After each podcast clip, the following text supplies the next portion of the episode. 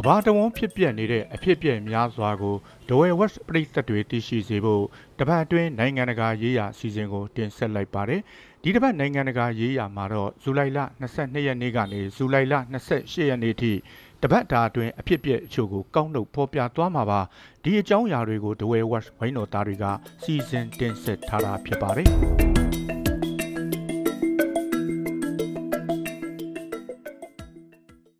ကဘာကြီးပူနွေးလာနေတဲ့ဆိုတဲ့ခစ်ကမရှိတော့ဘဲတကဘာလုံးစူပွက်နေအောင်အပူချိန်မြင့်မားတဲ့ခစ်ကိုရောက်နေပြီလို့ကုလသမဂ္ဂအတွင်းရေးမှူးချုပ်အန်တိုနီယိုဂူတာရက်စ်ကဆိုလိုက်ပါတယ်။ဒါကိုဇူလိုင်လ28ရက်နေ့ကပြုလုပ်တဲ့နယူးယောက်က ကုလသမဂ္ဂဌာနချုပ်မှသတင်းတောက်တွေကိုပြောကြားလိုက်တာပါကမ္ဘာမိုးလေဝသအဖွဲ့ရဲ့ထုတ်ပြန်ချက်အရအခုဇူလိုင်လကမှတ်တမ်းတင်မှုသမျှထဲမှာအပူဆုံးလဖြစ်နေခဲ့ပါတယ်ဇူလိုင်လဟာမှတ်တမ်းတင်မှုသမျှထဲအပူဆုံး၃ဘတ်ကြာကာလကိုဖျက်ကျော်ခဲ့ပြီးစံချိန်တင်အပူဆုံး၃ရက်လဲပါနေခဲ့ပါတယ် သမုဒ္ဒရာရဲ့အပူချိန်ကလည်းအမြင့်ဆုံးဖြစ်နေတယ်လို့သူကဆိုထားပါတယ်။ဒါကြောင့်ကမ္ဘာကြီးတစ်ခုလုံးဘေးအန္တရာယ်ဖြစ်နေပြီလို့သူကသတိပေးလိုက်ပါတယ်။အယ်ဂျီးရီးယားနိုင်ငံမှာအပူချိန်မြင့်တက်လို့အနည်းဆုံးလူ34ဦးသေဆုံးခဲ့ပြီးဂရိနိုင်ငံမှာတော့တောမီလောင်လို့လူ2000ကျော်နေရက်စွတ်ခွာထွက်ပြေးနေကြရပါတယ်။ အာဖရိကနိုင်ငံတွေထဲကလိုအပ်တဲ့နိုင်ငံ6နိုင်ငံကိုရုရှားကကောက်ပဲတီးနှံတွေရောင်းပေးတာအလကားပေးတာတွေလုပ်ပေးမယ်လို့ရုရှားသမ္မတပူတင်ကအာဖရိကခေါင်းဆောင်တွေကိုပြောကြားလိုက်ပါတယ်။ယူကရိန်းကနေတင်ပို့မှုကိုရုရှားကလက်မခံထားတဲ့အတွက်လူသားချင်းစာနာမှုအကူအညီတွေကိုအာဖရိကနိုင်ငံတွေစီဆက်လက်ပတ်ပိုးပေးသွားမယ်လို့ပူတင်ကဆိုလိုက်တာပါယူကရိန်းကနေကောက်ပဲတီးနှံတွေကိုပင်လယ်နက်ကိုဖြတ်ပြီးပို့ဖို့သဘောတူညီချက်ကိုရုရှားဘက်ကညှင်းဆိုထားပါတယ် ပင်လယ်နယ်ထဲဖြတ်တန်းတဲ့ဘဲသင်းဘောကိုမဆိုယူကရိန်းအတွက်လက်နက်တင်ပို့နိုင်တယ်လို့သတ်မှတ်ပြီးတိုက်ခိုက်မှာဖြစ်တယ်လို့ရုရှားအစိုးရကကြေညာခဲ့တာပါ။ကမ္ဘာအစင်းရဲဆုံးနိုင်ငံတွေကြုံတွေ့နေရတဲ့စားနပ်ရိက္ခာပြဿနာတွေကိုဖြေရှင်းပေးမယ်လို့ရုရှားသမ္မတရဲ့ပြောကြားချက်ကိုအမေရိကန်သမ္မတအိမ်ဖြူတော်ကမလုံလောက်ဘူးလို့ဆိုထားပါတယ်။အာဖရိကတိုက်အနောက်ပိုင်းနိုင်ဂျာနိုင်ငံမှာစစ်တပ်ကနေသမ္မတမိုဟာမက် ဘာဇွန်ကိုဖျုတ်ချပြီးအာဏာသိမ်းလိုက်တယ်လို့ဇူလိုင်လ26ရက်နေ့ကကြေညာလိုက်ပါတယ်။စစ်သားတပ်ဖွဲ့ကနေသမ္မတဘာဇွန်ကိုဖြုတ်ချလိုက်ပြီးအဖွဲ့အစည်းအားလုံးကိုရပ်တကနေဆက်အားလုံးကိုပေးလိုက်ပြီလို့ရုပ်မြင်သံကြားဘော်ကနေကြေညာခဲ့တာပါကုလသမဂ္ဂနဲ့အမေရိကန်တို့ကသမ္မတကိုချက်ချင်းပြန်လွှတ်ပေးဖို့တောင်းဆိုထားပါတယ်အမေရိကန်အနေနဲ့ဒီမိုကရေစီနည်းကျရွေးချယ်တင်မြှောက်ခံထားရတဲ့သမ္မတဘာဇွန်ကိုအပြည့်အဝထောက်ခံတယ်လို့ဆိုထားပါတယ် ကုလသမဂ္ဂကလည်းနိုင်ဂျာနိုင်ငံကဒီမိုကရေစီနီးလန်းကျအာဏာရထားတဲ့အစိုးရပြည်သူတွေနဲ့အတူရပ်တည်ကြောင်းကြေညာချက်ထုတ်ပြန်ထားပါတယ်။အနောက်အာဖရိကစီးပွားရေးအတိုင်းဝိုင်းများကလည်းအာဏာသိမ်းမှုကိုအပြစ်တင်ထားပါတယ် ဖိလစ်ပိုင်နိုင်ငံမှာအင်အားပြင်းဒေါ်ဆူရီမှုန်တိုင်းကြောင့်အနည်းဆုံးလူ39ဦးသေဆုံးခဲ့ပါတယ်။မြို့တော်မနီလာမြို့နားမှာလေပြင်းကြောင့်ကရုသင်းမောတစီတိမ်မောက်ခဲ့လို့26ဦးတည်းမနဲ့တေဆုံးခဲ့တာပါကဒုသင်းမောပေါ်မှာဘယ်နှစ်ယောက်ပါသွားသလဲဆိုတာတော့အတိအကျမသိရှိရပေမဲ့လူ40ကျော်သာဆက်တာကို60ကျော်လောက်ပါသွားတယ်လို့ကမ်းယူတန်းဆောက်တပ်ဖွဲ့ကဆိုထားပါတယ်လေပြင်းတိုက်ခတ်တဲ့အတွက်ခရီးသည်တွေထိတ်လန့်ပြီး တင်းမောတစ်ဖက်ချမ်းမှာသွားစုနေရကနေကဒုတင်းမောမှောက်ခဲ့တာလို့အာဏာပိုင်တွေကထုတ်ပြန်ထားပါတယ်။တနာရီ108မိုင်နှုန်းနဲ့တိုက်ခတ်ခဲ့တဲ့အင်အားပြင်းမှုန်တိုင်းကြောင့်အိမ်ခေါင်မိုးတွေလန်ထွက်ခဲ့တယ်လို့မိုးသဲထန်စွာရွာသွန်းခဲ့လို့မြေနေပိုင်းဒေသတွေမှာရေကြီးမှုမြေပြိုမှုတွေဖြစ်ခဲ့တယ်လို့ဖိလစ်ပိုင်တာဝန်ရှိသူတွေကပြောကြားထားပါတယ်။ အီကွေဒိုနိုင်ငံကအကျဉ်းထောင်တစ်ခုမှာဇူလိုင်လ22ရက်ကနေစတင်ဖြစ်ပွားခဲ့တဲ့စူပူမှုကြောင့်အကျဉ်းသား30တဦးအထိတေဆုံးခဲ့ရပါတယ်။နောက်တော့အစိုးရကနိုင်ငံတစ်ခုလုံးကထောင်တွေကိုရက်60အရေးပေါ်အခြေအနေကြီးညာလိုက်ရပါတယ်။ထောင်ထဲမှာရာဇဝတ်ဂိုင်းတွေတစ်ခုနဲ့တစ်ခုတိုက်ခိုက်ခဲ့ကြတာပါ။စစ်သားထောင်နဲ့ချီဂွာယာကီမြို့ကထောင်ကိုဝင်းရောက်စီးနှင်းပြီး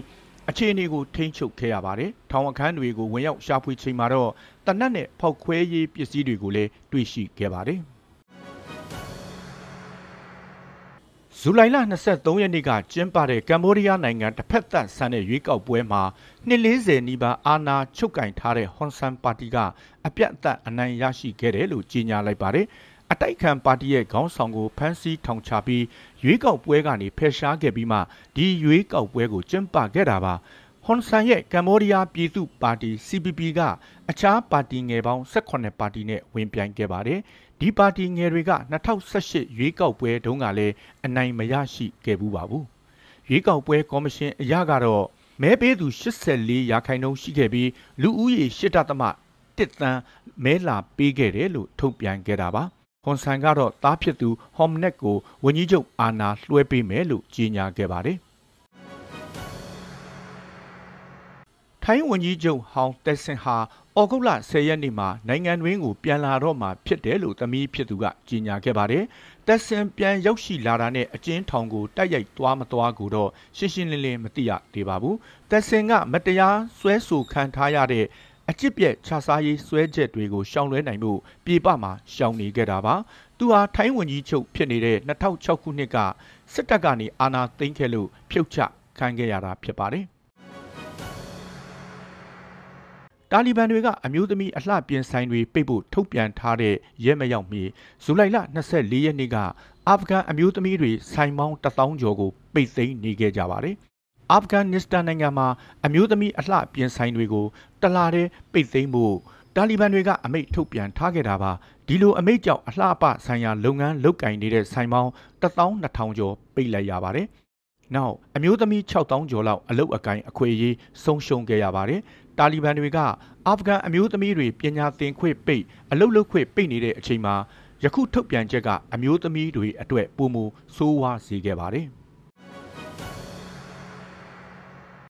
ဂရိနိုင်ငံတောင်ပိုင်းမှာလောင်ကျွမ်းနေတဲ့တောမီးတွေကိုငြိမ်းသတ်နိုင်မှုစူးစမ်းနေတဲ့လေတပ်ကမိသက်လေရင်တစင်းဇူလိုင်လ25ရက်နေ့ကပြတ်ကျခဲ့ပါတယ်လေရင်ကအေဗီယာကျွန်းမှာပြက်ကျခဲ့တာဖြစ်ပြီးအနှိပ်ပြန်တန်းနေစဉ်ကြောက်တဲကိုထိုးကျသွားပြီးမကြခင်မှာပဲမီးလုံးကြီးတစ်ခုတက်လာတာပါလေရင်ကပြက်ကျရင်ခုန်ထွက်နိုင်တဲ့ထွက်ပေါက်စနစ်မရှိခဲ့ပါဘူးပြက်ကျမှုကြောင့်လေရင်မှုနှစ်ဦးတေဆုံးခဲ့တယ်လို့တောမီကြောက်ပျောက်ဆုံးနေတဲ့သူတဦးလည်းတေဆုံးခဲ့ပါတယ် ဂရိမှာအပူလိုင်းဖြတ်တန်းနေလို့အပူချိန်က40ဒီဂရီစင်တီဂရိတ်အထက်ကိုရောက်နေပါတယ်။အပူဒဏ်ကြားမှာတောမီကရဲပေါင်းများစွာလောင်ကျွမ်းနေလို့လူတောင်းချီဘေးလွတ်ရာပြောင်းရွှေ့နေကြရပါတယ်။